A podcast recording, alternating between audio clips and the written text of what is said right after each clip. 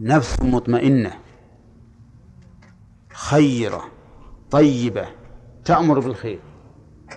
ونفس شريرة أمارة بالسوء. ونفس لوامة لوامة. هذه بشوف هل هذه ثالثة؟ أو هذه وصف في الثنتين السابقتين؟ أه؟ في خلاف. بعضهم يقول إنها نفس ثالثة وبعضهم يقول لا هي وصف في الثنتين السابقتين فالمطمئنة تلومك والأمارة بالسوء تلومك فيكون قوله تعالى ولا لا ولا أقسم لا أقسم بيوم القيامة ولا أقسم بالنفس اللوامة يشمل النفسين جميعا اللوامة وش تلومك عليه؟ آه المطمئنة تلومك على إيش؟ على التقصير في الواجب. إذا إذا أهملت واجبا لامتك إذا فعلت محرما لامتك والأمارة؟ بالعكس. بالعكس. إذا إذا فعلت الخير لامتك شو تطلع صلاة الفجر بهالبرد؟ نعم. وتوضى بهالماء البارد. نم بفراشك الدافئ اللين ولا طلعت الشمس وارتفعت ودفيت. صل وعسى أن نسمح لك بعد. نعم. هذه لوامة إيش؟ اللي تأمر بالشر. اللي تأمر بالشر. طيب تلومه إذا إذا إذا ترك محظورا. إذا ترك المحظور. ليش ما تروح مع فلان للبلد الفلاني؟ افعل ما تبي. ما أحد ينكر عليك ولا شيء. نعم. افعل ما تريد. فيه الخمور فيه الزنا فيه اللواط. فيه كل الشهوات. تفوت هذه الإجازة الربيعية نعم لا تفوت هذا تلومك ولا لا؟ تلومك. إذا صارت اللوامة على القول الراجح وصفا في النفسين جميعا. في النفس المطمئنة والنفس الأمارة. نعم.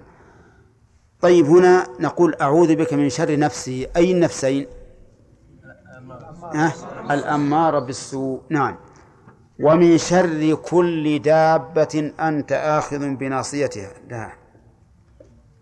من شر أيضا. طيب. الظاهر نكفي الآن سبحانك اللهم وبحمدك أشهد أن لا إله إلا أنت الرحيم الحمد لله رب العالمين والصلاة والسلام على نبينا محمد وعلى آله وأصحابه أجمعين. حديث إذا قام أحدكم إلى الصلاة فلا يبصقن قبل وجهه و... فعلل النبي صلى الله عليه وسلم ذلك بأن الله قبل وجهه. وما حله يعادل يساره ملك. إذ يتلقى المتلقيان عن اليمين وعن الشمال قعيد. فأجابوا بأن هذا لعله ملك خاص في حال الصلاة. وليس الملكان وليس الملكين اللذين مصاحبين للإنسان دائما. نعم. وهذا ينبني على التحقق من صحة هذه الزيادة. فإن عليه عن يمينه ملكا. فإذا صحت فهذا الجواب لا بأس به. نعم. ها نخليه بحث لك؟ أنت. من اقترح فليقرح نعم طيب. وجل أعظم من رحمة الوالدين وأعظم من رحمة النفس بالنفس. طيب. يقول النبي عليه الصلاة والسلام وتعرضنا لكلمة شر نفسي. وبينا أن الأنفس ثلاث. أو نفسان. أن الأنفس نفسان. والثالثة وصف لكل منهما. وهي اللوامة. طيب. وبينا لا ما وصلنا. ومن كل ش... ومن شر كل دابة أنت آخذ بناصيتها. من شر كل دابة أنت آخذ بناصيتها. الدابة هنا المراد بها كل ما يدب على الأرض. حتى الذي يمشي على بطنه داخل في الآية في هذا الحديث. وهي كقوله تعالى وما من دابة في الأرض إلا على الله رزقها. وإن كانت الدابة تطلق في العرف على ذوات الأربع وفي عرف أخص تطلق على الحمار فقط. نعم. لكنها في مثل هذا الحديث يراد بها كل ما يدب على الأرض. طيب وما يدب على الأرض فيه شرور نعم. أما بعضه فشر محض. وأما بعضه ففيه خير وفيه شر. وحتى الذي فيه خير لا يسلم من الشر. فالخروف ربما ينطحك بقرونه ويشق بطنك. وكذلك البقرة والبعير ربما ها ترمحك أو تاكلك. هنا هنا نعم. بعير تاكل. نعم. إي تعض. تعض. ها؟ تقتل. لا سيما إذا رددت الفحل عن الأنثى. إذا رددت الفحل عن الأنثى فاحذر هذا الفحل ولو بعد سنوات. إي نعم. وهذا وقع.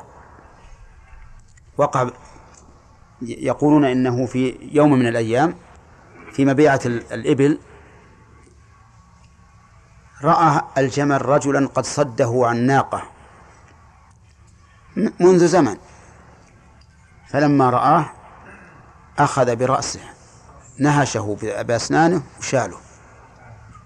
يلا فكوه منه. أي نعم. المهم من شر كل دابة يشمل الدواب التي كلها شر والدواب اللي فيها خير وما من دابة فيها خير إلا وفيها إلا وفيها شر إي نعم لكن الشر نسبي. طيب. وقوله أنت آخذ بناصيتها. الناصية مقدم الرأس. وإنما نص على الناصية لأنه هو المقدم وهو الذي يمسك به لقيادة البعير وشبهها. وقيل خص ذلك لأن المخ الذي فيه التصور والتلقي يكون في مقدمة الرأس. هنا. والعلم عند الله. يقول أنت الأول فليس قبلك شيء. أنت الأول فليس قبلك شيء. وهذا تفسير من النبي صلى الله عليه وسلم لقوله الأول والأول من أسماء الله.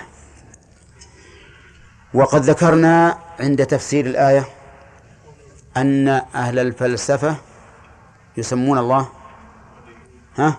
القديم. وذكرنا أن القديم ليس من أسماء الله الحسنى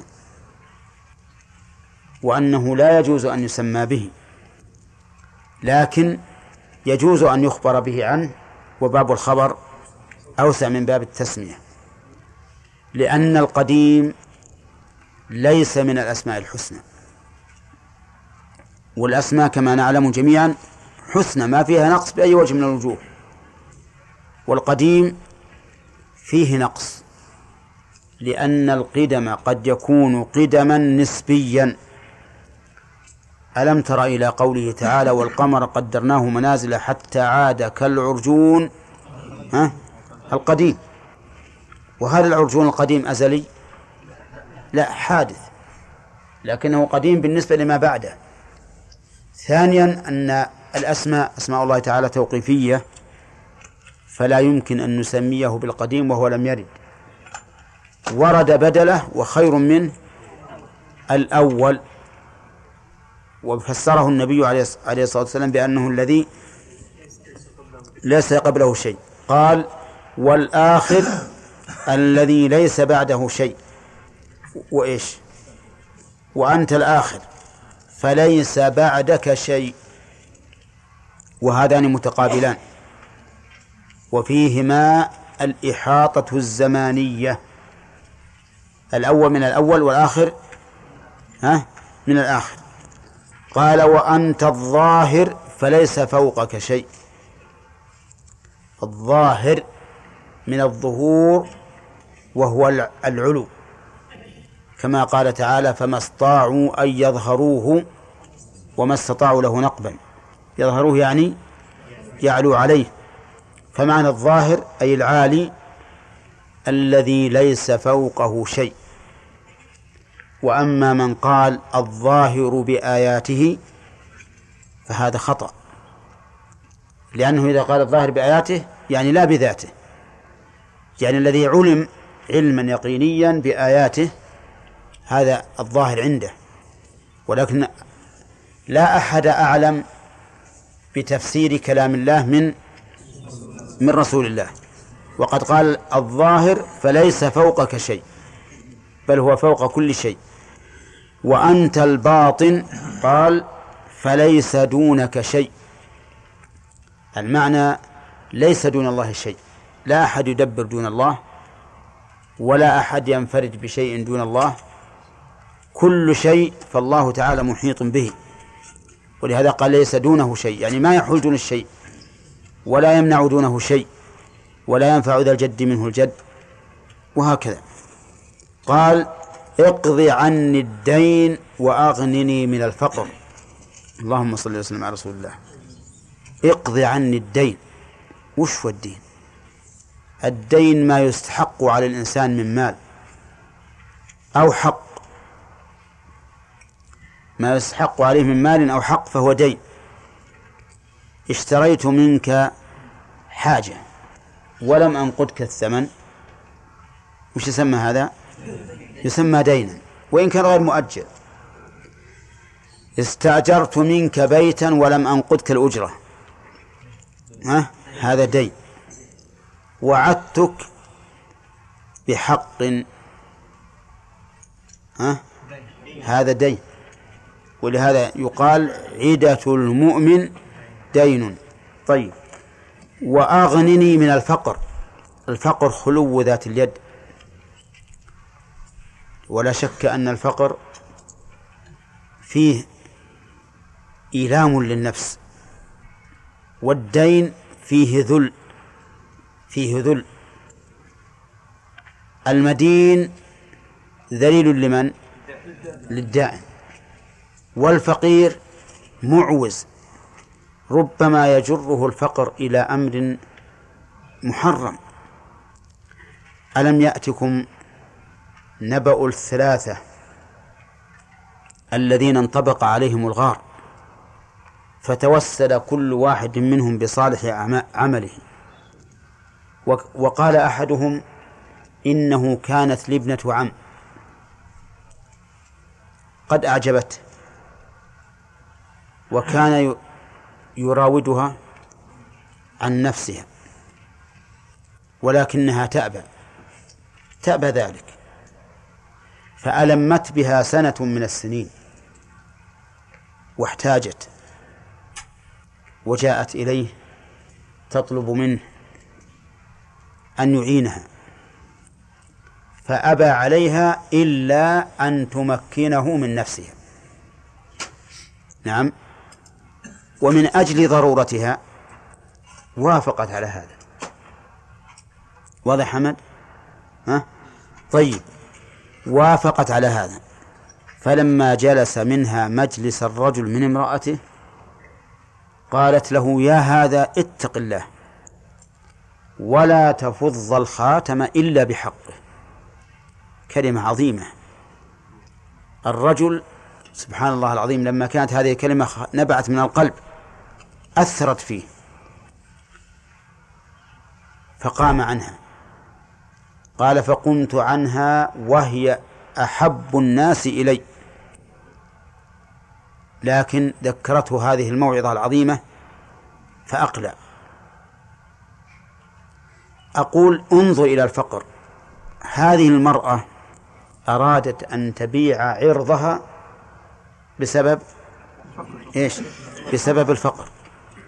بسبب الفقر. طيب إذن قول الرسول أغني من الفقر.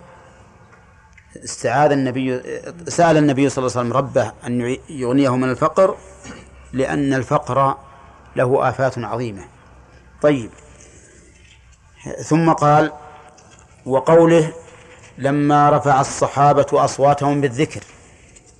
وكان الصحابة رضي الله عنهم مع النبي صلى الله عليه وسلم إذا علوا نشزا كبروا وإذا نزلوا واديا سبحوا.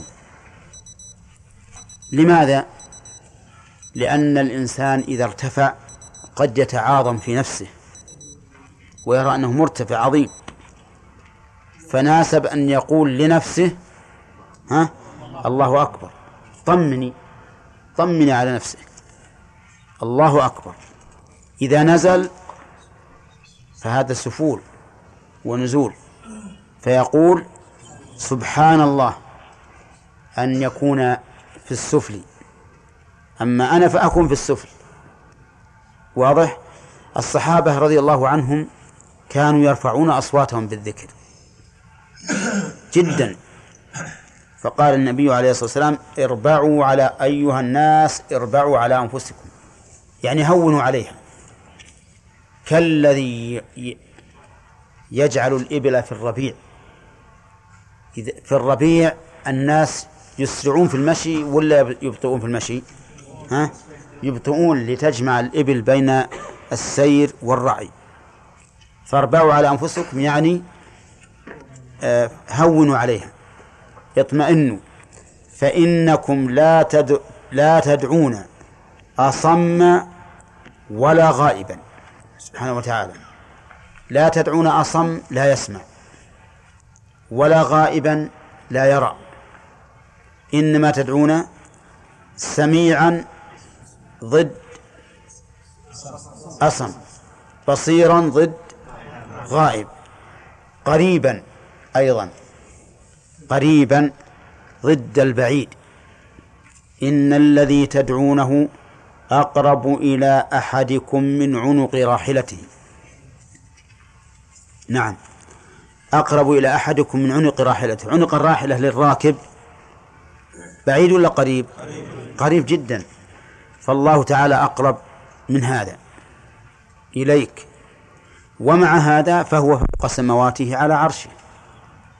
ولا منافاة بين القرب والعلو لأن الشيء قد يكون بعيدا قريبا. هذا بالنسبة للمخلوق فكيف بالخالق؟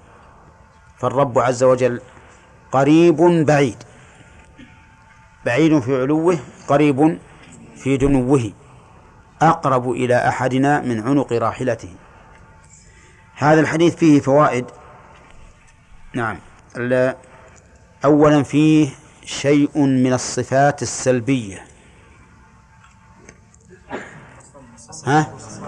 أصم وغائب فليس أصم لكمال سمعه ولا غائبا لكمال بصره وعلمه وقربه. سبحانه وتعالى. وفيه أيضا أنه ينبغي للإنسان أن لا يشق على نفسه في العبادة. بحيث آه، يرفع صوته بالذكر كما فعل الصحابة يشقون على أنفسهم لأن الإنسان إذا شق على نفسه تعبت النفس وملت وربما يتأثر البدن. ولهذا قال النبي صلى الله عليه وسلم اكلفوا أو قال اكلفوا من العمل ما تطيقون فإن الله لا يمل حتى تملوا.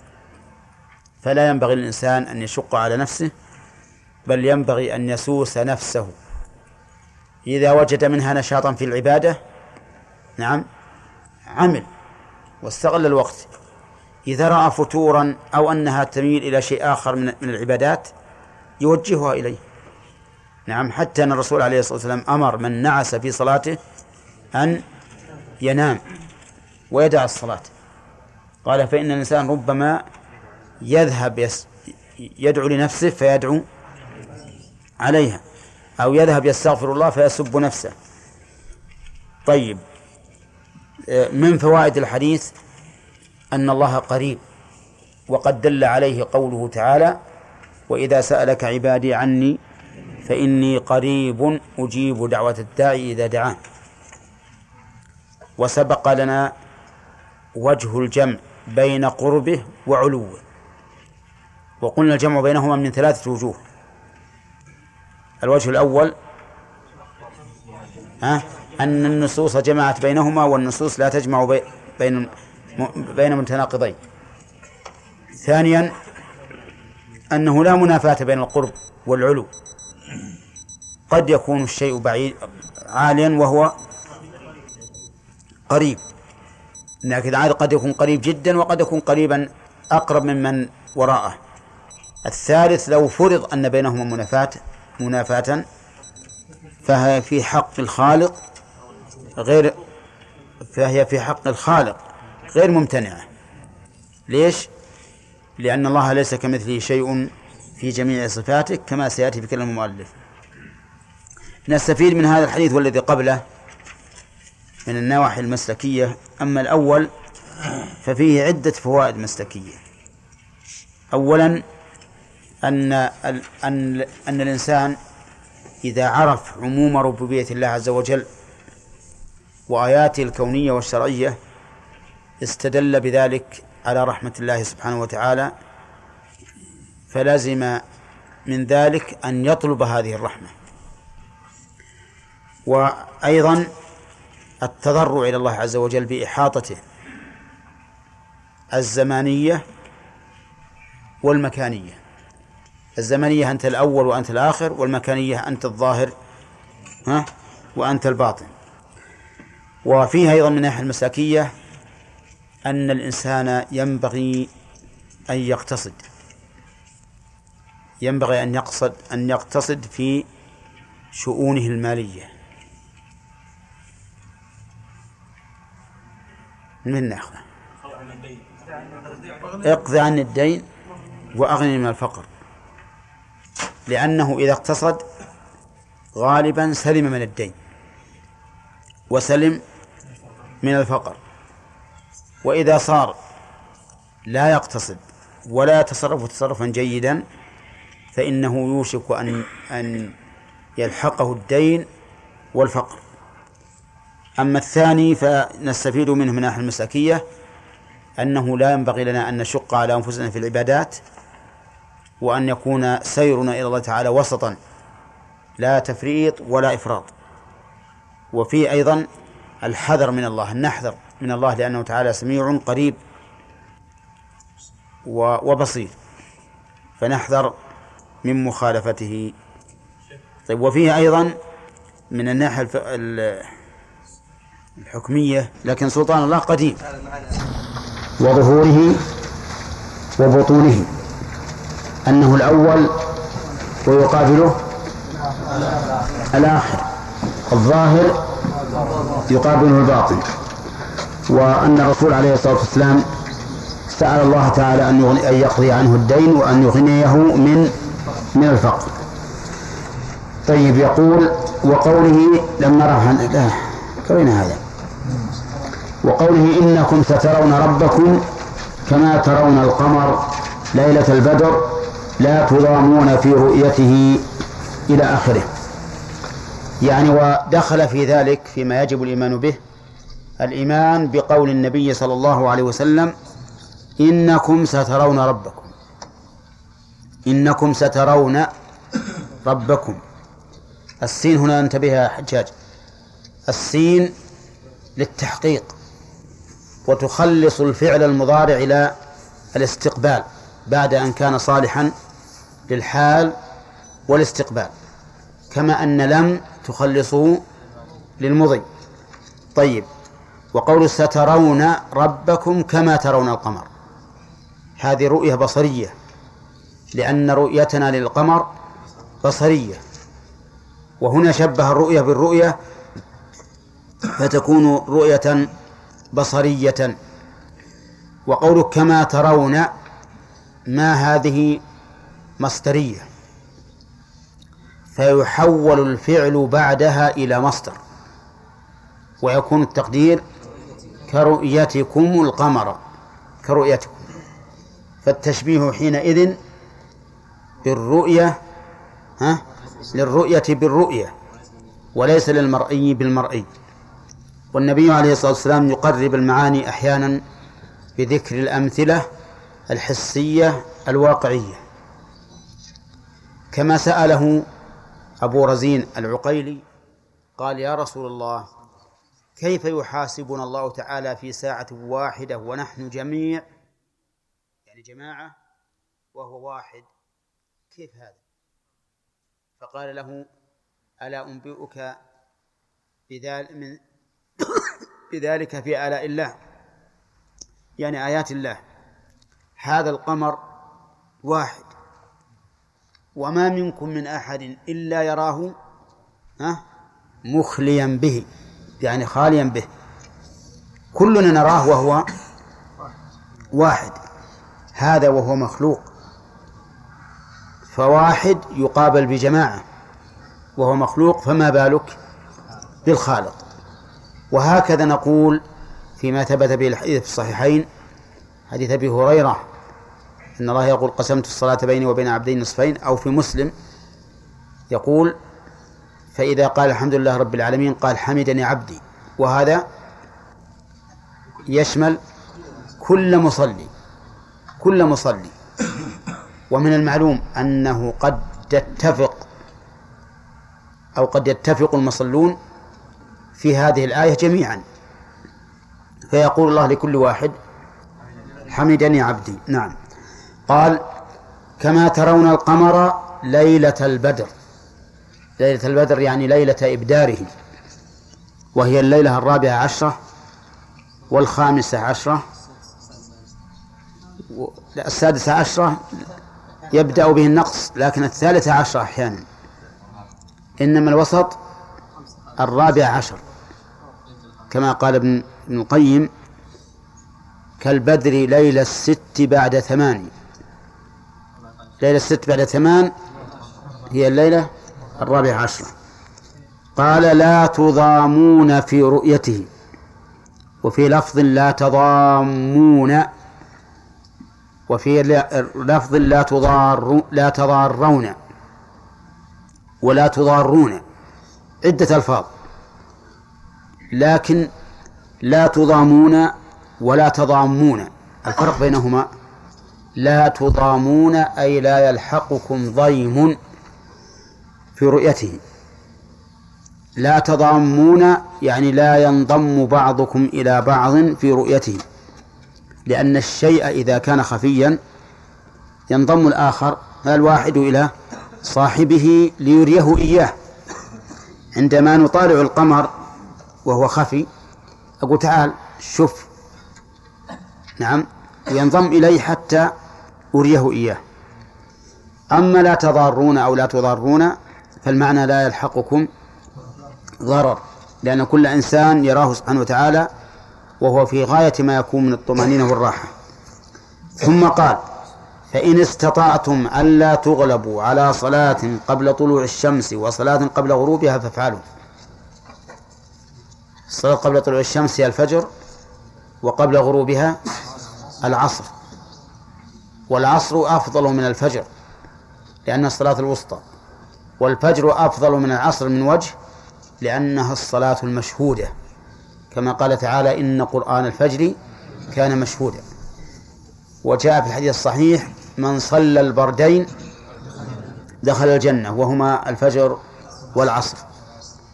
في هذا الحديث من صفات الله إثبات أنه يرى وقد سبق لنا شرح هذه الصفة. عند ذكر الآيات الدالة عليها وهي أربع آيات. نعم. والحديث هنا متواتر عن النبي صلى الله عليه وسلم. فثبوته قطعي ودلالته قطعية. ولهذا ذهب بعض العلماء إلى أن من أنكر رؤية الله تعالى فهو كافر. كافر مرتد والعياذ بالله. وأن الواجب على كل مؤمن أن يقر. قال وإنما كفرناه لأن الأدلة قطعية الثبوت وقطعية الدلالة. ولا يمكن لأحد أن يقول إن قول الرسول عليه الصلاة والسلام إنكم سترون ربكم كما ترون القمر. لا يمكن أن يقول إنه ليست قضية الدلالة ليس هناك شيء أشد قطعا من مثل هذا هذا التركيب. يعني لو جاءت إنكم ترون ربكم لربما تحتمل التأويل وأنه فسر العلم اليقيني بالرؤية البصرية ولكنه صرح بأنه كما نرى القمر والقمر حسي ولا معنوي؟ حسي. كما نرى القمر ليلة البدر. فالمهم أن بعض أهل السنة قالوا من أنكر الرؤية بالعين رؤية الله بالعين فهو كافر. لأنه كذب نصوصا قطعية الدلال الثبوت وقطعية الدلالة. وسبق لنا أن أهل التعطيل يؤولون هذه الأحاديث. ويفسرون الرؤية ها برؤية العلم. يقول لأن رأى تأتي علمية وتأتي بصرية. وهي هنا علمية وسبق لنا بيان بطلان قولهم وأنهم لا يوافقون على هذا. طيب. انتهت انتهى الكلام على الأحاديث على الآيات والأحاديث. واعلم أن أهل البدع من المعطلة موقفهم أمام هذه النصوص. انتبهوا لقاعدتهم. إذا كانت النصوص قطعية الثبوت ذهبوا يحرفونها. مثل آيات القرآن والأحاديث المتواترة. وإذا كانت غير قطعية الثبوت أنكروها حتى وإن كانت صحيحة. ولهذا من قاعدتهم المنكرة أن أخبار الآحاد لا تقبل في إثبات العقائد. أخبار الآحاد. بناء على قاعدتهم الفاسدة هذه. والصواب أن أن أنه يجب علينا أن نؤمن بكل ما صح عن النبي صلى الله عليه وسلم وتلقته الأمة بالقبول. وكل صحيح فهو متلقى بالقبول. قال إلى أمثال هذه الأحاديث التي يخبر بها رسول فيها رسول الله صلى الله عليه وسلم عن ربه بما يخبر به. فإن الفرقة الناجية أهل السنة أهل السنة والجماعة يؤمنون بذلك. وسبق لنا معنى الفرقة. ها؟ الناجية التي نجت في الدنيا من البدع وفي الآخرة من النار. طيب. أهل السنة والجماعة أي الذين أخذوا بالسنة واجتمعوا عليها يؤمنون بذلك أي بما أخبر به الرسول صلى الله عليه وسلم كما يؤمنون بما أخبر الله به في كتابه. لأن ما أخبر به الرسول عليه الصلاة والسلام يجب علينا أن نؤمن به كما يجب علينا أن نؤمن بما أخبر الله به في كتابه. إلا أنه يختلف عن القرآن في إيش؟ في الثبوت. في الثبوت فإنه فإننا فإن لنا نظرين بالنسبة لما جاء في السنة. النظر الأول في ثبوته والنظر الثاني في دلالته. أما ما في القرآن فلنا نظر واحد في في الدلالة. طيب وقد سبق لنا أظن بيان الأدلة الدالة على وجوب قبول ما أخبر به النبي صلى الله عليه وسلم. قال كما يؤمنون بما أخبر الله فيه بكتابه من غير تحريف ولا تعطيل ولا تكييف ومن غير تكييف ولا تمثيل. وسبق شرح هذه الكلمات. قال بل هم الوسط في فرقة الأمة الصواب في فرق الأمة.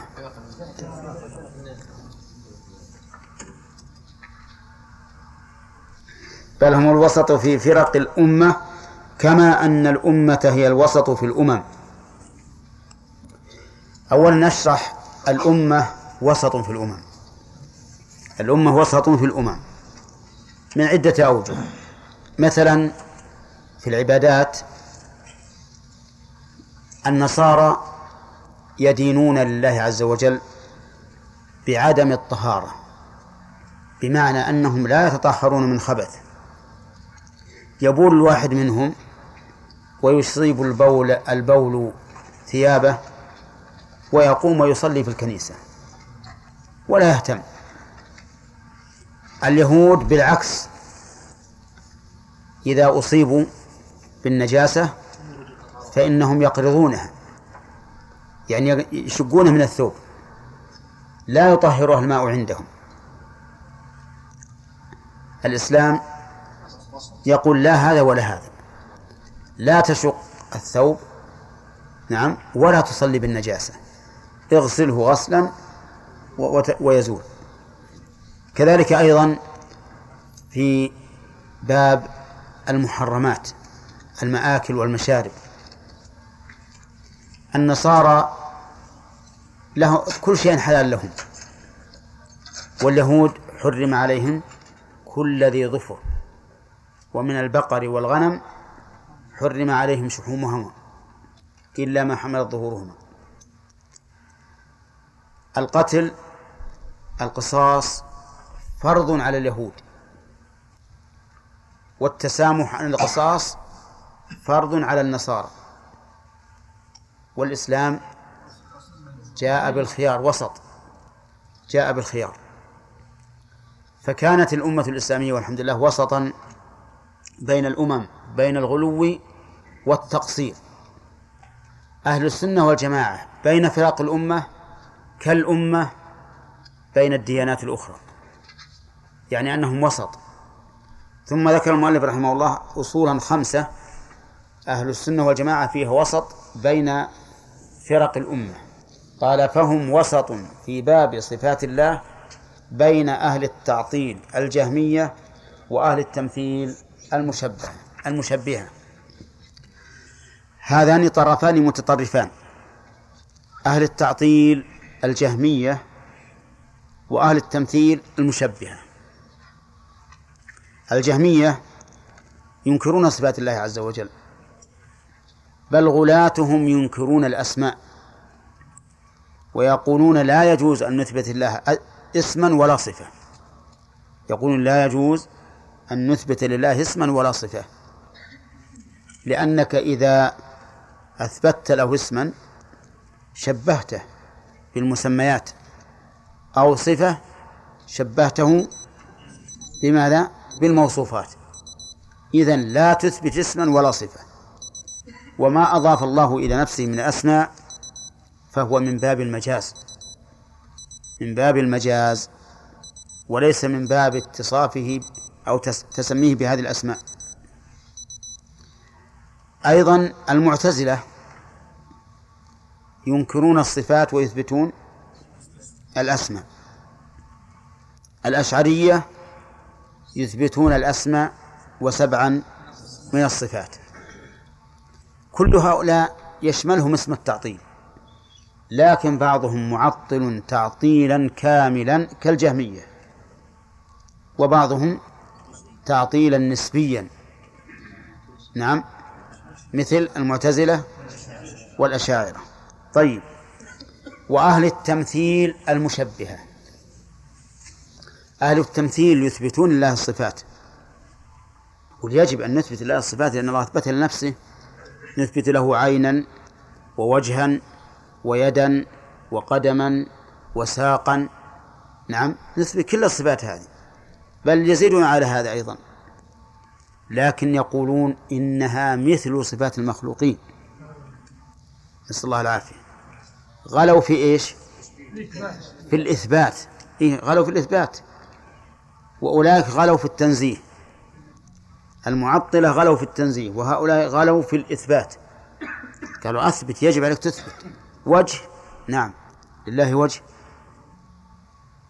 وهذا الوجه مثل وجه أحسن واحد من بني آدم. نعم. ليش؟ قالوا لأن الله خاطبنا بما نعلم. قال ويبقى وجه ربك. ولا نعلم من الوجه إلا ما نشاهد.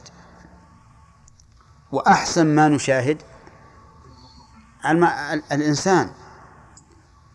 صحيح الحمار له وجه والكلب له وجه والجمل له وجه نعم لكن الإنسان أحسن المخلوقات. لقد خلقنا الإنسان في أحسن تقويم.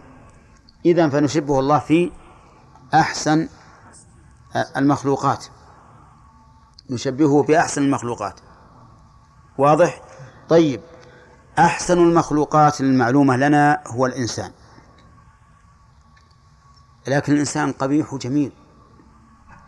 ولا لا؟ قالوا نختار الأحسن. الإنسان شيخ وشاب. نختار الشاب. فهو على زعمهم والعياذ بالله على مثل أحسن واحد من الشباب الإنساني. ويدعون أن هذا هو هو المعقول. يدعون أن هذا هو المعقول. فجاء أهل السنة والجماعة وقالوا يا جماعة نحن نأخذ بالحق الذي مع الجانبين. نأخذ بالحق الذي مع الجانبين. فنأخذ بالحق في باب التنزيه فلا نمثل. ونأخذ بالحق في جانب في في في جانب الإثبات فلا نعم. فلا نعطل. لا لا إيش ما نعطل. نأخذ في الإثبات فلا نعطل. ولا لا؟ ونأخذ في النفي ولا نشبه. صحيح؟ طيب. يعني معناها أن نثبت ضد التعطيل. ولا نمثل ضد أمث... ضد التمثيل. إذا إثبات بلا. بلا تمثيل وتنزيه بلا تعطيل. عرفتم؟ المعطلة استدلوا بقوله تعالى ليس كمثله شيء. فقال أهل السنة نعم نحن نثبت ولكن بدون تمثيل. وهؤلاء قالوا إن الله أثبت المشبهة. وتركوا نصوص نفي التمثيل. فنحن نقول نثبت ولا ندع النصوص الدالة على نفي التمثيل. فنأخذ بالأدلة من هنا ومن هنا. الخلاصة هم وسط في باب الصفات بين طائفتين متطرفتين. طائفة غلت في التنزيه والنفي وهم أهل التعطيل من الجهمية وغيرهم. وطائفة غلت في الإثبات وهم الممثلة وهم الممثلة. أهل السنة والجماعة يقولون لا نغلو لا في الإثبات ولا في النفي ونثبت بدون بدون تمثيل. نثبت بدون تمثيل. فصاروا وسطا. أخذوا الحق أخذوا بالحق من هؤلاء وهؤلاء. ووسط في أفعال الله بين الجبرية والقدرية. ها؟ وهم وسط في باب أفعال الله بين الجبرية والقدرية وغيرهم. عندكم؟ بين الجبرية والقدرية وغيرهم. هذه ما ما قرأناها لأنها مهم من باب الصفات. ستأتينا إن شاء الله في باب الإيمان بالقدر.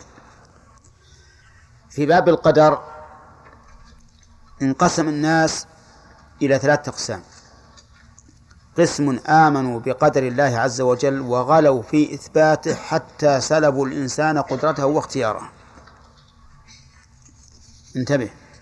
غلوا في إثبات القدر في إثبات القدر. وقالوا إن الله سبحانه وتعالى فاعل كل شيء حتى سلبوا العبد قدرته واختياره.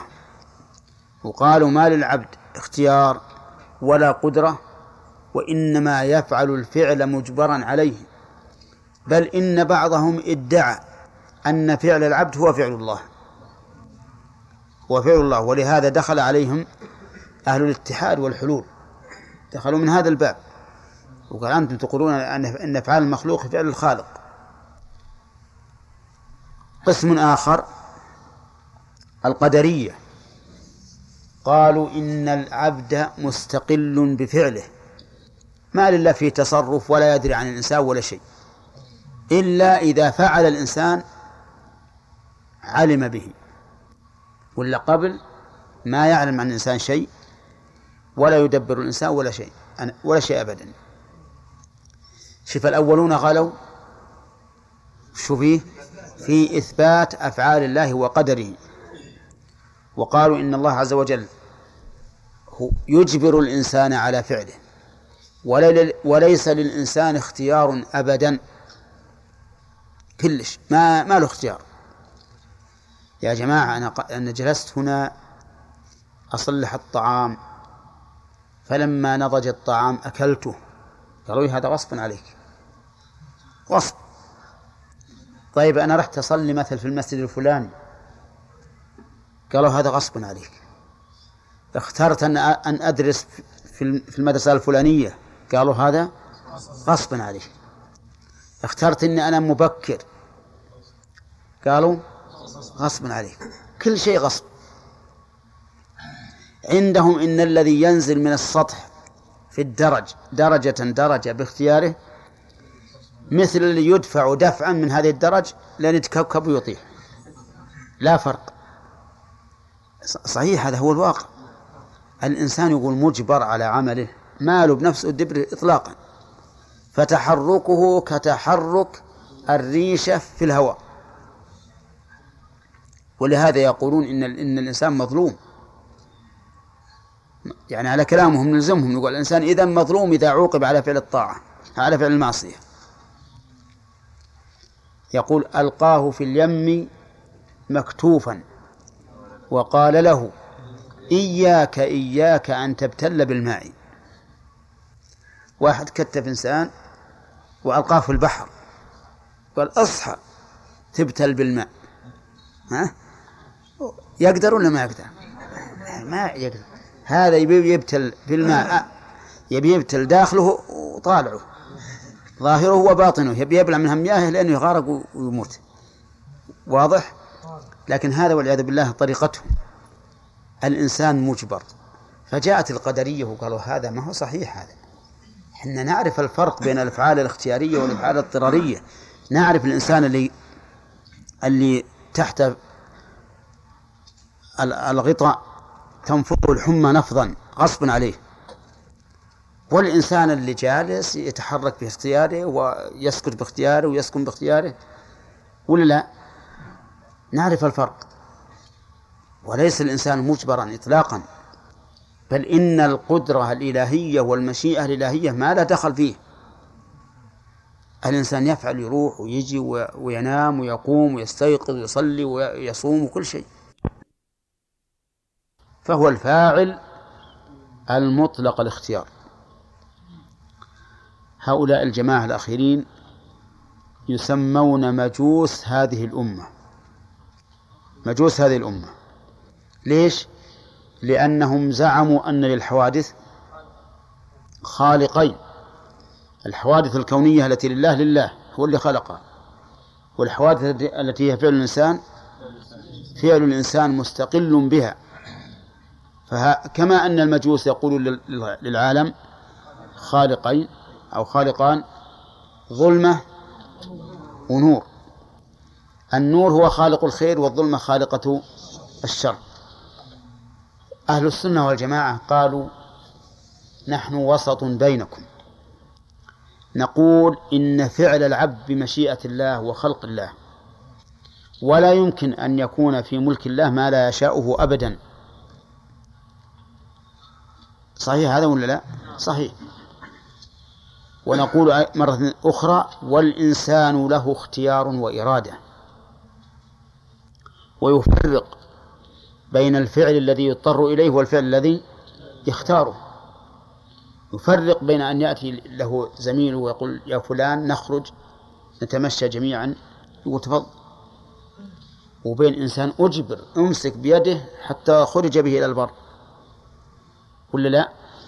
يجد الفرق فهم قالوا إن أفعال العباد باختيارهم وإرادتهم ومع ذلك فهي واقعة بمشيئة الله وبخلق الله عز وجل. لكن سيبقى عندنا إشكال كيف تكون خلق الله وهي فعل الإنسان؟ نقول لأن أفعالك صدرت منك. ولا لا؟ بإرادة. وقدرة. في إرادة وقدرة. بس مشيئة هي الإرادة أخي. هي الإرادة.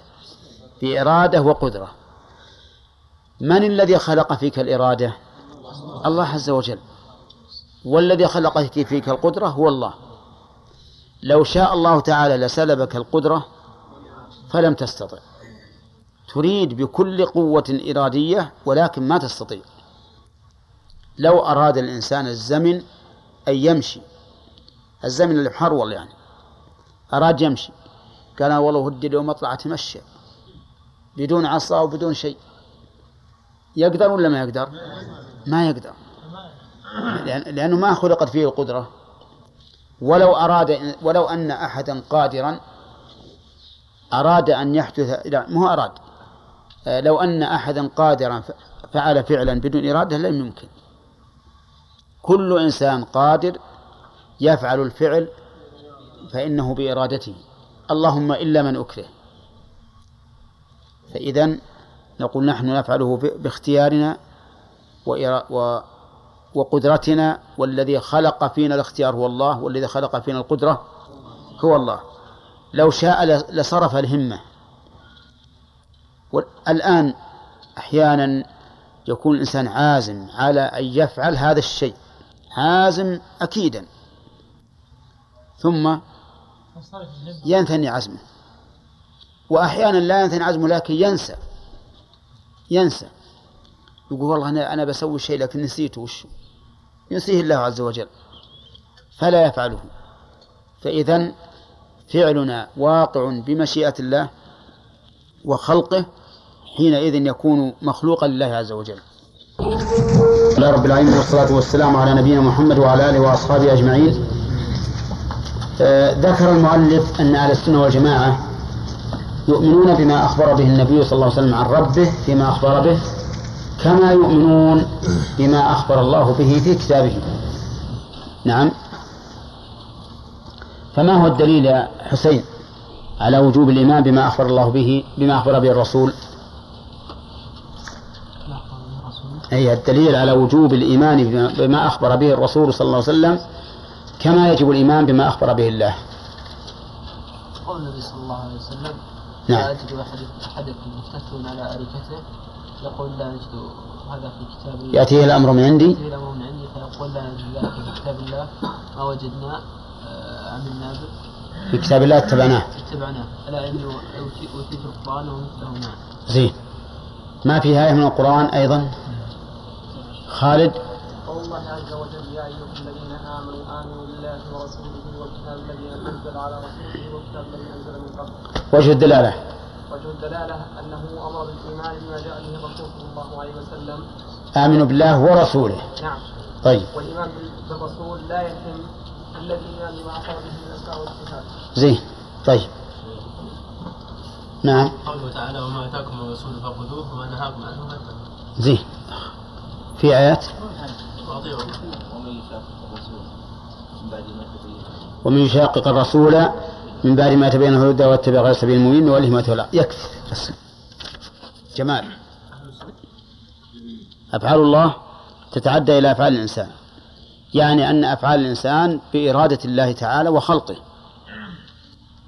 وينفون عن عن الإنسان الإرادة والفعل. القدرية بالعكس. يقولون أن مشيئة الله وخلق الله لا تتعدى إلى الإنسان فالإنسان مستقل بإرادته وفعله. فأخرجوا إرادة الله تعالى وخلقه. عن أفعال العباد. أهل السنة جمعوا بين الأمرين. قالوا فعل العبد يتعلق به إرادة الله وخلق الله وإرادة الإنسان ها؟ وخلق وفعل الإنسان. واضح أظن. فصاروا أخذوا بالحق من هؤلاء وبالحق من هؤلاء. وهذا له بحث مستقل في فصل مستقل في العقيدة. ولهذا ما نطيل البحث فيه لأنه سيأتينا إن شاء الله تعالى في بحث مستقل. لكن المهم أن أهل السنة والجماعة وسط بين هاتين الطائفتين. طيب يقول المؤلف باب الدرس الجديد وفي باب وعيد الله. في باب الوعيد بين المرجئة والوعيدية من القدرية وغيرهم. في باب وعيد الله سبحانه وتعالى بين طائفتين أيضا مرجئة ووعيدية. المرجئة اسم فاعل من أرجأ بمعنى أخر. ومنه قوله تعالى قالوا أرجه وفي قراءة أرجئه أرجه وأخاه أي أخره أخر أمره. وسموا مرجئة إما من الرجاء لتغليبهم نصوص الرجاء وإما من الإرجاء بمعنى التأخير لتأخيرهم الأعمال عن مسمى الإيمان. لأن المرجئة يقولون الأعمال ما لها دخل في الإيمان. الأعمال ليس لها دخل في الإيمان وليست منه. الإيمان هو الاعتراف بماذا؟ بالقلب فقط. أما الأعمال فليست من الإيمان في شيء. ولهذا يقولون إن فاعل الكبيرة الزاني السارق شارب الخمر قاتل النفس قاطع الطريق كل ما يوجد في الدنيا من كبيرة غير غير الكفر يقولون إنه لا يستحق دخول النار. في الجنة ولا يدخل النار أبدا. لا لا دخولا مؤبدا ولا دخولا مؤقتا. نعم. هذا المذهب يصلح أظنه ال... ها؟ الوقت الحاضر. نعم. يقولون أنت مؤمن. أنت مؤمن تؤمن بالله ورسوله؟ نعم. تأتي بأركان الإسلام؟ نعم. الباقي افعل ما شئت من الكبائر. كل ما يذكر لك من كبيرة في الدنيا ما عدا الكفر فافعله. وستدخل الجنة بلا عذاب. لا يضر مع الإيمان معصية. شوف المرجع أعوذ بالله. يعني يخلون الناس يزنون ويسرقون ويشربون الخمر ويقطعون الطريق وكل شيء يفعلونه. نعم. ونقول يكسرون الأنبات بالأسواق ولا لا؟ ها؟ كل شيء من باب أولى. ونقول لهم أنتم ما شاء الله ما عليكم عذاب. أبدا. هذا من ما في شك أنه من أضعف الأقوال وسبب للفوضى والفساد. نعم. الوعيدية وش قالوا؟ على العكس. أي كبيرة يفعلها الإنسان ولم يتب منها فإنه مخلد في النار بها. مخلد في النار. مو ما ما يدخل النار. مو بيدخل النار فقط ويعذب بقدرها. لا. مخلد في النار. إن سرق فهو من أهل النار خالدا مخلدا. شرب الخمر من أهل النار خالدا مخلدا. وهكذا. هؤلاء من؟ الوعيدية. طيب.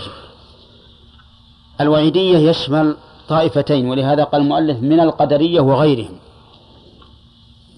يشمل المعتزلة والمعتزلة قدرية. المعتزلة قدرية يرون أن الإنسان مستقل بعمله كما سبق. المعتزلة وعيدية الخوارج وعيدية. إذن فالوعيدية طائفتان. هما الخوارج والمعتزلة. اتفقت الطائفتان على أن فاعل الكبيرة مخلد في النار. لا يخرج منها أبدا. نعم. وأن من شرب الخمر مرة كمن عبد الصنم ألف سنة. عرفتم؟ كلهم مخلدون في النار. لكن يختلفون في الاسم كما سيأتي إن شاء الله تعالى في في الأصل في الباب الثاني اللي بعد. أهل السنة والجماعة يقولون لا نغلب جانب الوعيد ولا جانب الوعد. لا نغلب جانب الوعيد ولا جانب الوعد. ونقول فاعل الكبيرة مستحق للعذاب وإن عذب لا يخلد في النار. شوف العبارة عبارة محررة. فاعل الكبيرة مستحق للعذاب. والمرجئة يقولون ها؟ لا يستحق لا يستحق العذاب ولن يعذب. وإن عذب لا يخل لا يخلد في النار. الخوارج المعتزلة يقولون أنه مستحق للعذاب مخلد في النار مخلد في النار. كيف هذا الخلاف بين الوعيدية وبين المرجئة؟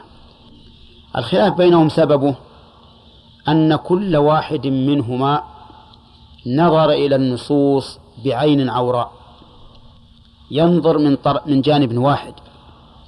هؤلاء نظروا نصوص الوعيد فأرجعوا الإنسان. ودخلوه في الرجع. وقالوا ما دام كالمرجئة نظروا أحاديث الوعيد. إي نعم. نعم نظروا أحاديث الوعد. نظروا أحاديث الوعد فدخلوا الإنسان في الرجع. المرجئة نظروا احاديث نصوص الوعد أحسن. نصوص جسم الآيات والأحاديث. فأدخلوا الإنسان في الرجاء وقالوا خل نأخذ بها وندع ما سواها. والوعيدية بالعكس. نظروا إلى أح... إلى نصوص الوعيد فأخذوا بها وغفلوا عن نصوص الوعد. فلهذا اختل توازنهم. لما نظروا من جانب واحد صار قولهم خطأ. أهل السنة والجماعة أخذوا بهذا وهذا وقالوا نصوص الوعيد محكمة. محكمة فنأخذ بها. وأحاديث الوعد محكمة فنأخذ بها. عرفتم ولا لا؟ طيب. ماذا يصنع المرجئة في أحاديث الوعيد في نصوص الوعيد؟ حملوا نصوص الوعيد على الكافرين. قالوا النصوص الواردة في وعيد من أتى كبيرة محمولة على الكافرين. وأما المؤمن فلا. ولهذا ينكرون الشفاعة. طيب. أهل الوعيد. أهل الوعيد. قالوا نحن نأخذ بنصوص الوعيد ونقول نصوص الوعد في من لم يفعل هذه الأشياء. فقال أهل السنة والجماعة نأخذ من نصوص الوعد ما نرد به على من؟ على الوعيدية. ونأخذ من نصوص من نصوص الوعيد ما نرد به على المرجئة.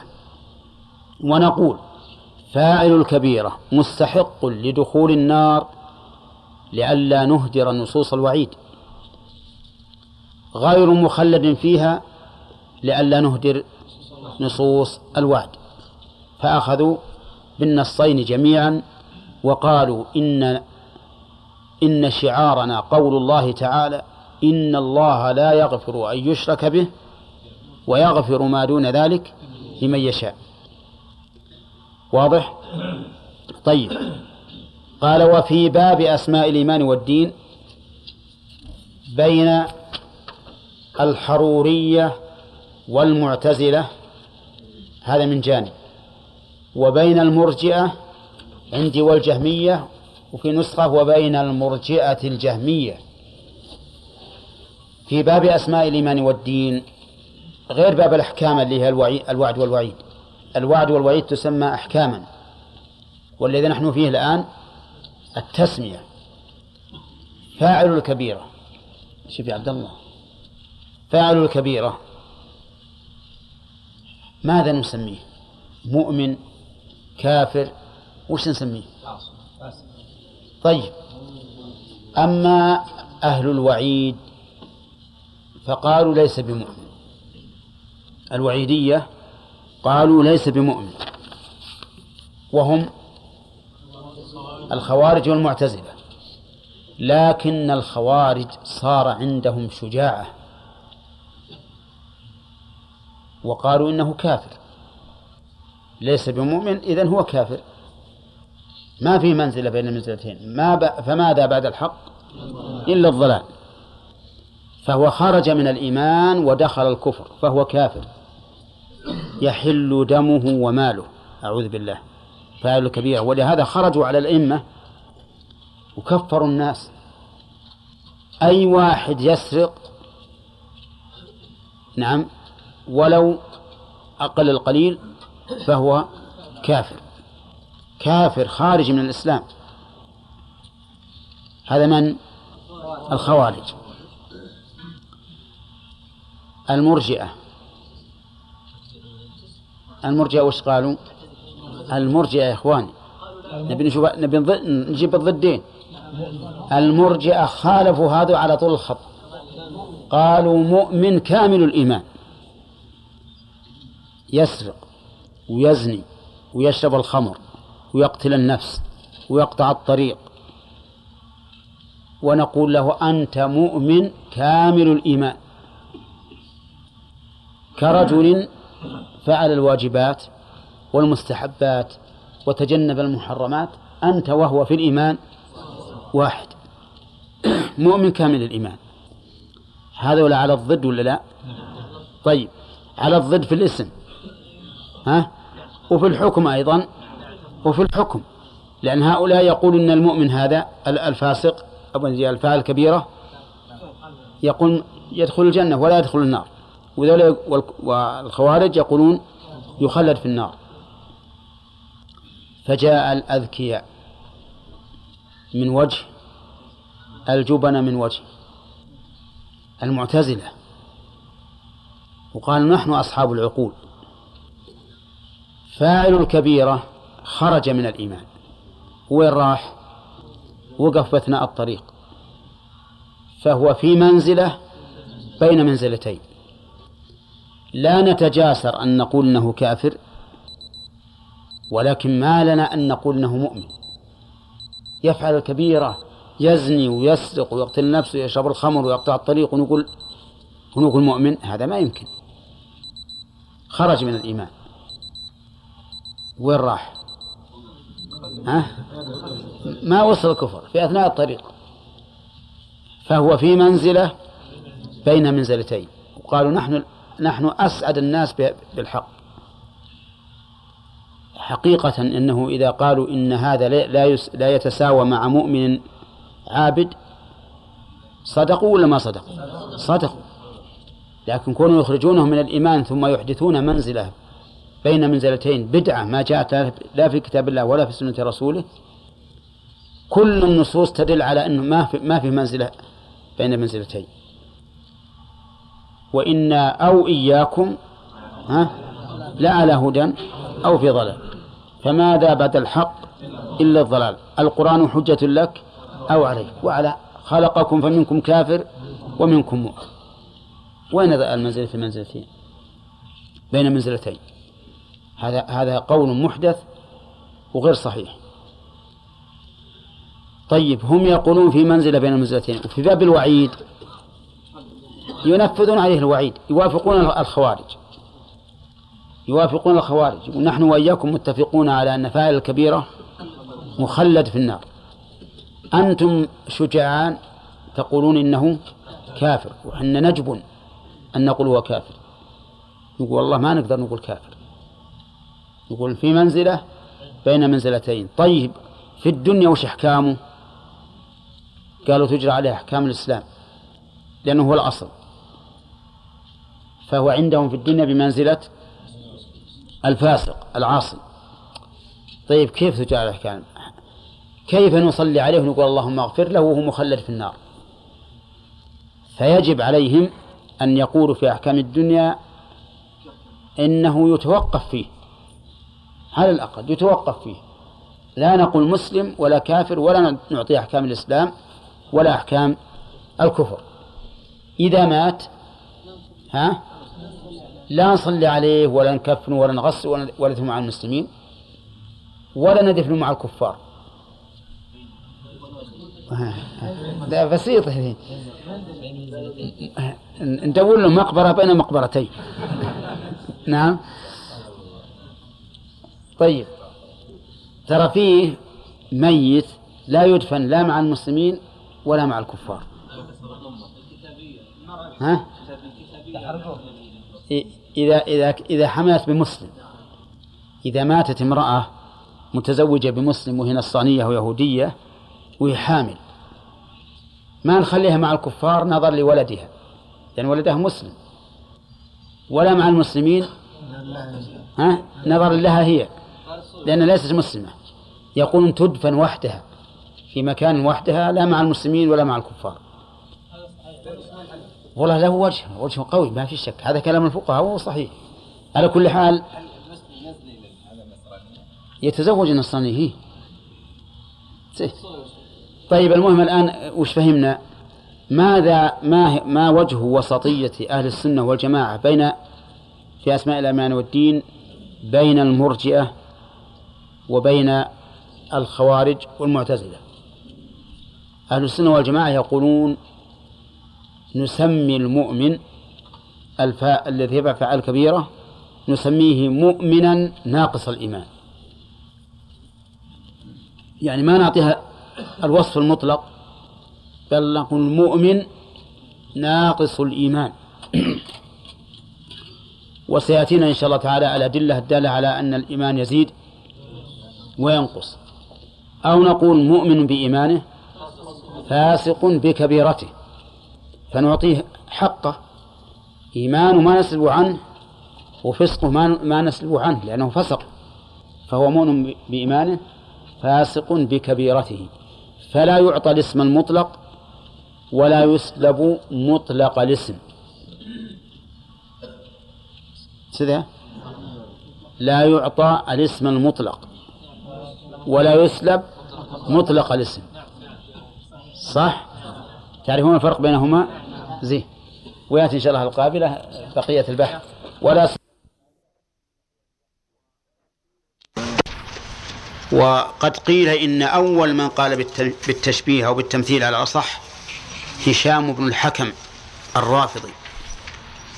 ولكن آخر الرافضة صاروا معتزلة يعني معطلة للصفات وحلولية لأنهم يعتقدون أن الله حال في كل مكان. نسأل الله العافية. طيب في باب أفعال الله بين الجبرية والقدرية. الجبرية الذين يقولون إن الإنسان ليس له اختيار ولا فعل وإنما هو مجبر على عمله. والقدرية بالعكس يقولون الإنسان مختار قادر مستقل بعمله. ما لله فيه إرادة ولا خلق. في أسماء الأمياء والدين بين المرجئة ومن؟ والوعيدية. في باب الوعيد بين المرجئة والوعيدية. المرجئة يقولون إن فاعل الكبيرة فاعل الكبيرة. لا يدخل النار. لا يدخل النار أبدا مهما كانت كبيرته. والوعيدية يقولون فاعل الكبيرة مخلد في النار. وهم أي الوعيدية طائفتان الخوارج والمعتزلة. في باب أسماء الإيمان والدين بين دقيقة بين المرجئة من جهة وبين الحرورية والمعتزلة من جهة أخرى. الحرورية هم الخوارج وسموا بذلك نسبة إلى حرورة وهو, وهو موضع قرب الكوفة حصل بينهم وبين علي بن أبي طالب قتال فيه. طيب المرجئة يقولون إن فاعل الكبيرة مؤمن كامل الإيمان. إيمان أفسق الناس وأفجر الناس كأطوع الناس لله. نعم. الحرورية والخوارج يقولون فاعل الكبيرة خارج من الإيمان خارج من الإيمان فهم يتفقون في هذا الأصل لكن يختلفون هل دخل الإيمان الكفر أو لم يدخل؟ الخوارج يقولون دخل الكفر والمعتزلة يقولون لم يدخل الكفر بل هو في منزلة بين منزلتين الإيمان والكفر. وسبق لنا أن قول المعتزلة قول مبتدع ليس له أصل لا في كتاب الله ولا في سنة رسول الله صلى الله عليه وسلم وأن الناس في كتاب الله وسنة رسوله ينقسمون إلى قسمين لا ثالث لهما. الكفر والإيمان والشقاوة والسعادة هو الذي خلقهم فمنكم كافر ومنكم مؤمن. في قسم ثالث؟ آه لا. يقول يوم يأتي لا تكلم نفس إلا بإذنه فمنهم شقي وسعيد. في قسم ثالث ما فيه. فهذا قول مبتدع وقلنا أمس إن الخوارج أشجع منهم. وش فيه؟ في تكفيره.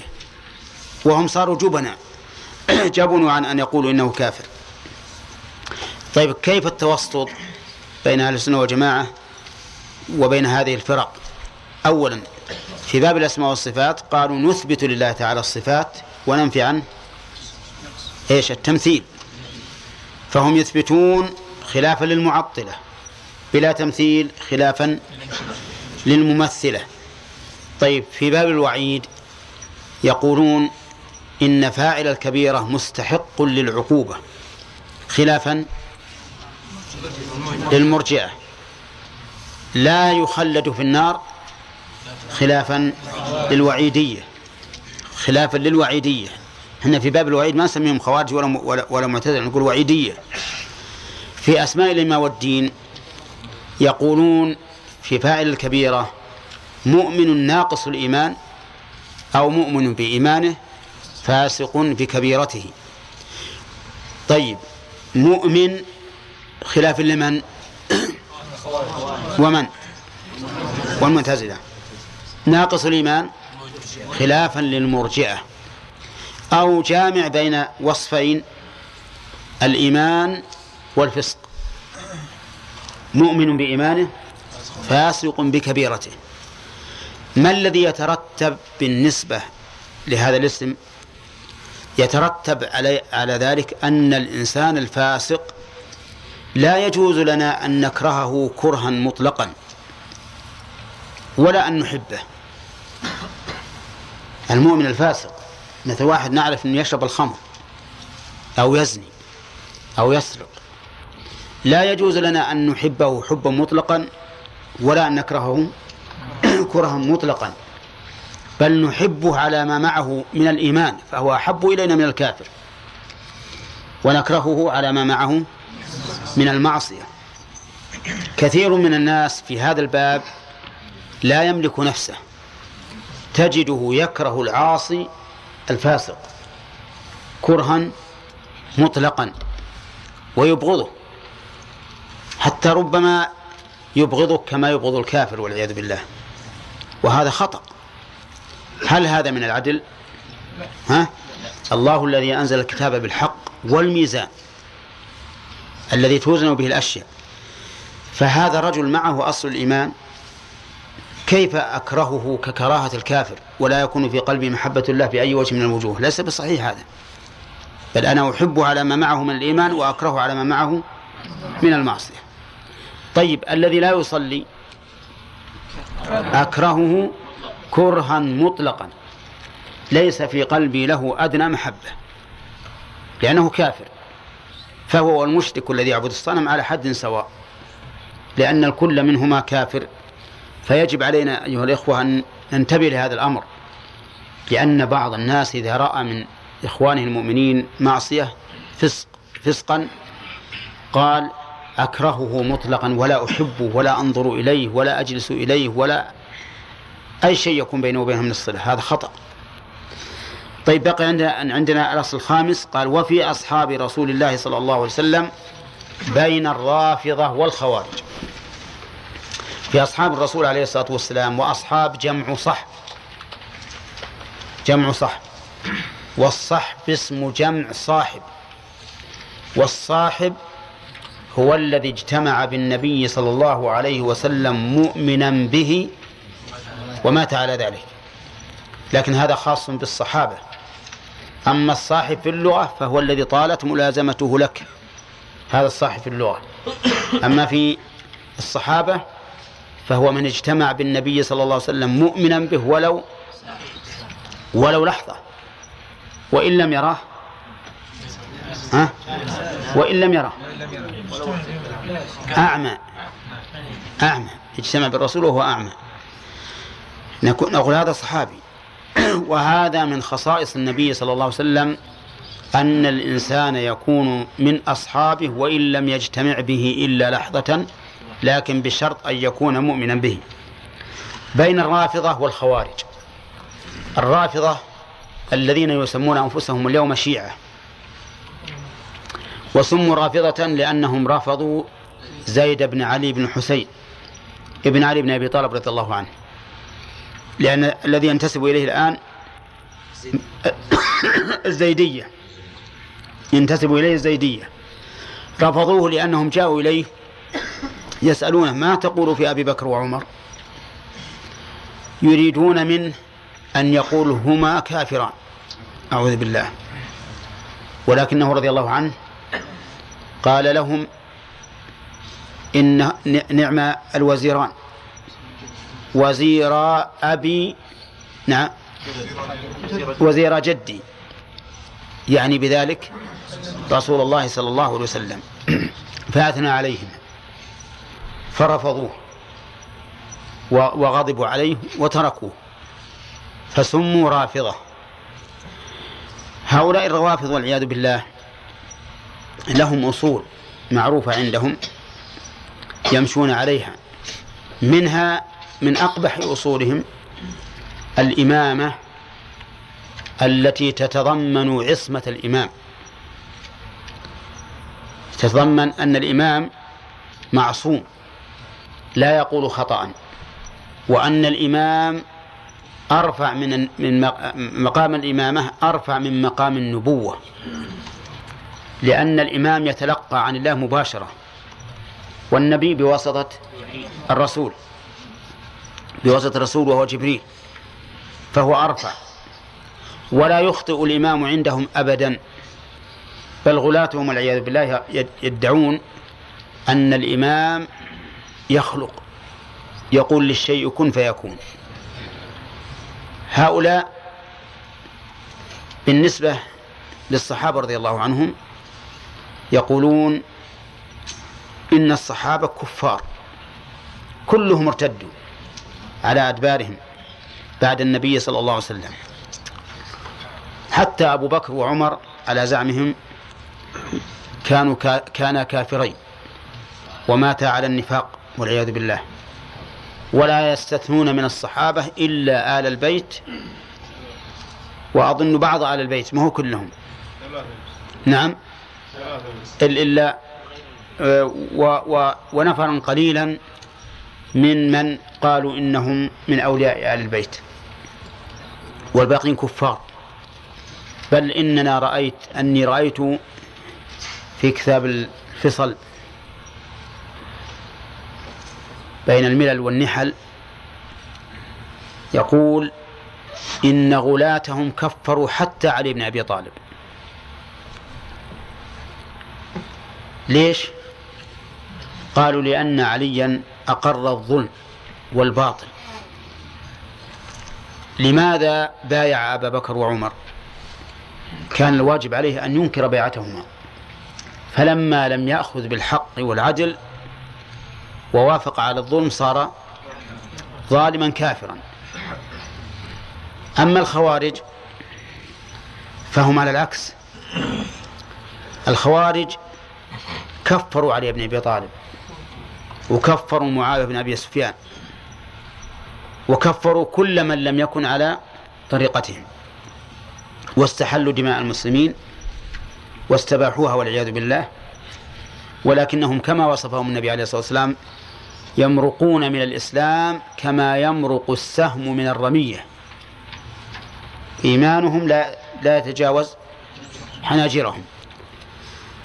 فهؤلاء غلوا في آل البيت وأشياعهم والخوارج بالعكس.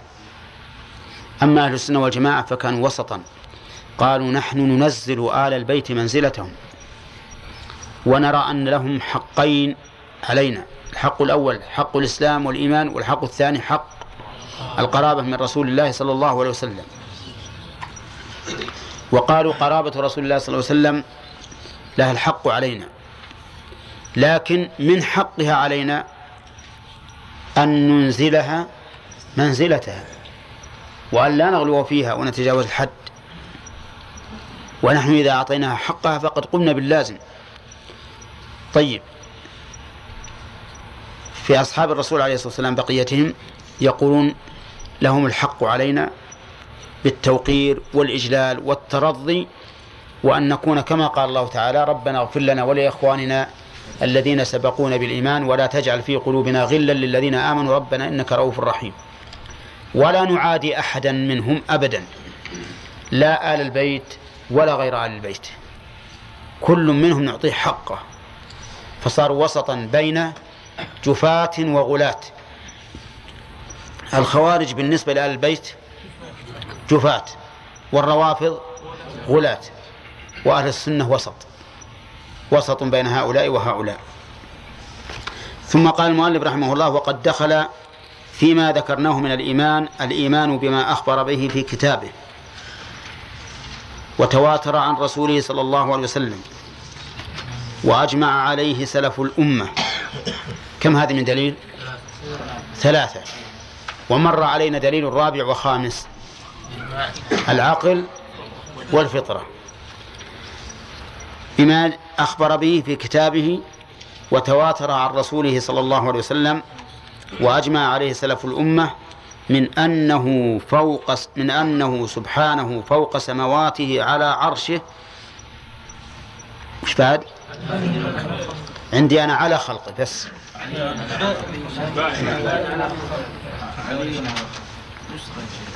طيب.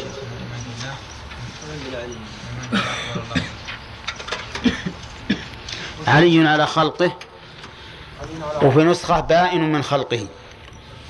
هذا تقدم لنا أن علو الله عز وجل علو صفة بعد؟ وعلو ذات. وأن علو الذات دل عليه الكتاب والسنة والإجماع والعقل والفطرة. فالكتاب مملوء من ذلك تارة بالتصريح بالفوقية وتارة بالتصريح بالعلو. وتارة بالتصريح بأنه في السماء وتارة بنزول الأشياء من عنده وتارة بصعودها إليه. واضح؟ وسبق الكلام على هذا. والسنة جاءت بالقول والفعل والإقرار. القول مثل قوله صلى الله عليه وسلم ربنا الله الذي في السماء. وقوله والماء فوق العرش والله فوق والماء والعرش فوق الماء والله فوق العرش. وقولها ألا تأمنوني وأنا أمين من في السماء. وأما الفعل فكإشارته وهو يخطب الناس بعرفة إلى السماء يشهد الله تعالى على إقرار أمته بأنه بلغ. وأما الإقرار فقال للجارية أين الله؟ قالت في السماء. قال أعتقها فإنها مؤمنة. أما الإجماع فقد أجمع السلف على ذلك. وطريق العلم بإجماعهم ها؟ أي. نعم عدم نقل ضد ما جاء في الكتاب والسنة. فكونهم لم يؤولوا ولم يحرفوا دليل على أنهم قالوا بما هو ظاهر الكتاب والسنة. وأما العقل فمن وجهين. الوجه الأول أن العلو صفة كمال لا إشكال في ذلك.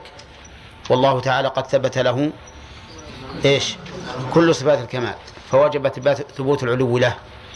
الثاني أن نقول إذا لم يكن عاليا فإما أن يكون تحت أو مساوي. وهذا صفة نقص لأنه يستلزم أن تكون الأشياء فوقه فلازم ثبوت العلو له. أما الفطرة فلا أحد ينكرها إلا من انحرفت فطرته. كل إنسان يقول يا الله يتجه إلى السماء. ثم قال المؤلف رحمه الله وهو معهم وهو سبحانه معهم أينما كانوا يعلم ما هم عاملون. وهذا أيضا سبق الكلام عليه وأن معية الله تنقسم إلى عامة وخاصة. وخاصة الخاصة. نعم. فالعامة التي تشمل كل أحد من مؤمن وكافر وبر وفاجر. ومثالها قوله تعالى وهو معكم أينما كنتم والعامة الخاصة مثل قوله تعالى إن الله مع الذين اتقوا والذين هم محسنون والتي أخص إنني معكما أسمع وأرى لا تحزن إن الله معنا طيب. وسبق لنا أن هذه المعية حقيقية وأن من مقتضاها العلم والسمع والبصر والقدرة والسلطان وأنه مع خلقه في كل هذه الأشياء. قال وأنه مع خلقه كما جمع بين ذلك يعلم وما هم عاملون كما جمع بين ذلك في قوله هو الذي خلق السماوات والأرض في ستة أيام ثم استوى على العرش يعلم ما يرجو في الأرض وما يخرج منها وما ينزل من السماء وما يعرج فيها وهو معكم أينما كنتم والله بما تعملون بصير. أين العلو الذي يقول أنه جمع بينهما؟ قول ثم استوى على العرش. والمعية وهو معكم أينما كنتم. وإذا جمع الله لنفسه بين وصفين فإننا نعلم علم اليقين أنهما لا يتناقضان. لا يتناقضان. لأنهما لو تناقضا لكان أحدهما يكذب الآخر. إذ أن المتناقضين لا يجتمعان ولا ولا ولا يرتفعان فلا بد من أن أحدهما ثابت. وهذا لو كان هناك تناقض لزم أن يكون أول الآية مكذبا لآخرها أو بالعكس. ثانيا ذكرنا أيضا أنه قد يجتمع العلو والمعية حتى في المخلوقات. كما سيذكره المؤلف في قول الناس ما زلنا نسير والقمر معنا. والثالث لو فرض تعارضهما بالنسبة للمخلوق فهما بالنسبة للخالق لا يمكن أن يتعارضا لأن الله سبحانه وتعالى ليس كمثله شيء. قال وليس معنى قوله وهو معكم أنه مختلط بالخلق. معلوم. هذا لا يمكن أن يكون هذا المعنى. لأن هذا المعنى نقص ولا كمال؟ نقص غاية النقص. وقد ذكرنا أنه لو كان هذا المعنى لزم أحد أمرين. إما تعدد الخالق أو تجزؤه. مع ما في ذلك أيضا من كون الأشياء تحيط به. وهو سبحانه وتعالى محيط بالأشياء ولست محيطة به. طيب. قال المؤلف فإن هذا لا توجبه اللغة. لم يقل لا تقتضيه اللغة. هل بين العبارتين فرق؟ ها؟ نعم. لأننا إذا قلنا لا توجبه معناه أنها تحتم أن يكون معنى المعية إذا قلنا توجبه. إذا قلنا توجبه فمعناها أن اللغة تحتم أن معنى المعية الاختلاط. واللغة لا توجب ذلك. لكن لو قلنا لا تقتضيه كما نهى أن اللغة لا يمكن أن يقتضي أن تقتضي المعية الاختلاط مع أنها قد تقتضيه. ففرق بين كون اللغة تقتضي ذلك وبين كونها توجب ذلك. ها؟ توجب توجب. توجبه. توجبه. طيب عرفتم الفرق يا جماعة الآن؟ إذا قلنا توجبه اللغة معناه يلزم أن يكون هذا معنى المعية. لو قلنا إن اللغة توجب أن يكون معنى المعية الاختلاط كان معنى المعية؟ ها؟ يجب أن يكون هو الاختلاط. وإذا قلنا إن اللغة تقتضيه فقد تقتضيه وغيره. يعني تقتضي هذا تجيزه يعني. تقتضيه بمعنى تجيزه. يعني وتجيز غيره.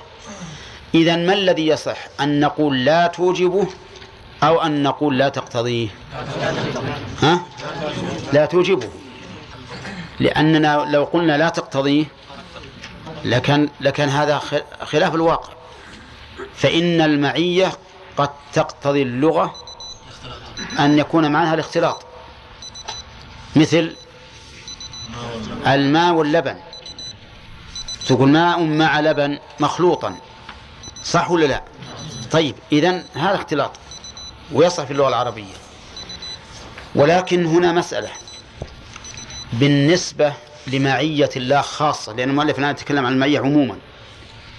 بالنسبة لمعية الله خاصة لا يوجبه العقل. آه، لا لا يقتضيه العقل. العقل لا يقتضي أن الله مختلط بالخلق. عرفت؟ فهنا كلام المؤلف على معنى المعية من حيث هي. هل المعية في اللغة العربية توجب الاختلاط؟ ها؟ تقتضي؟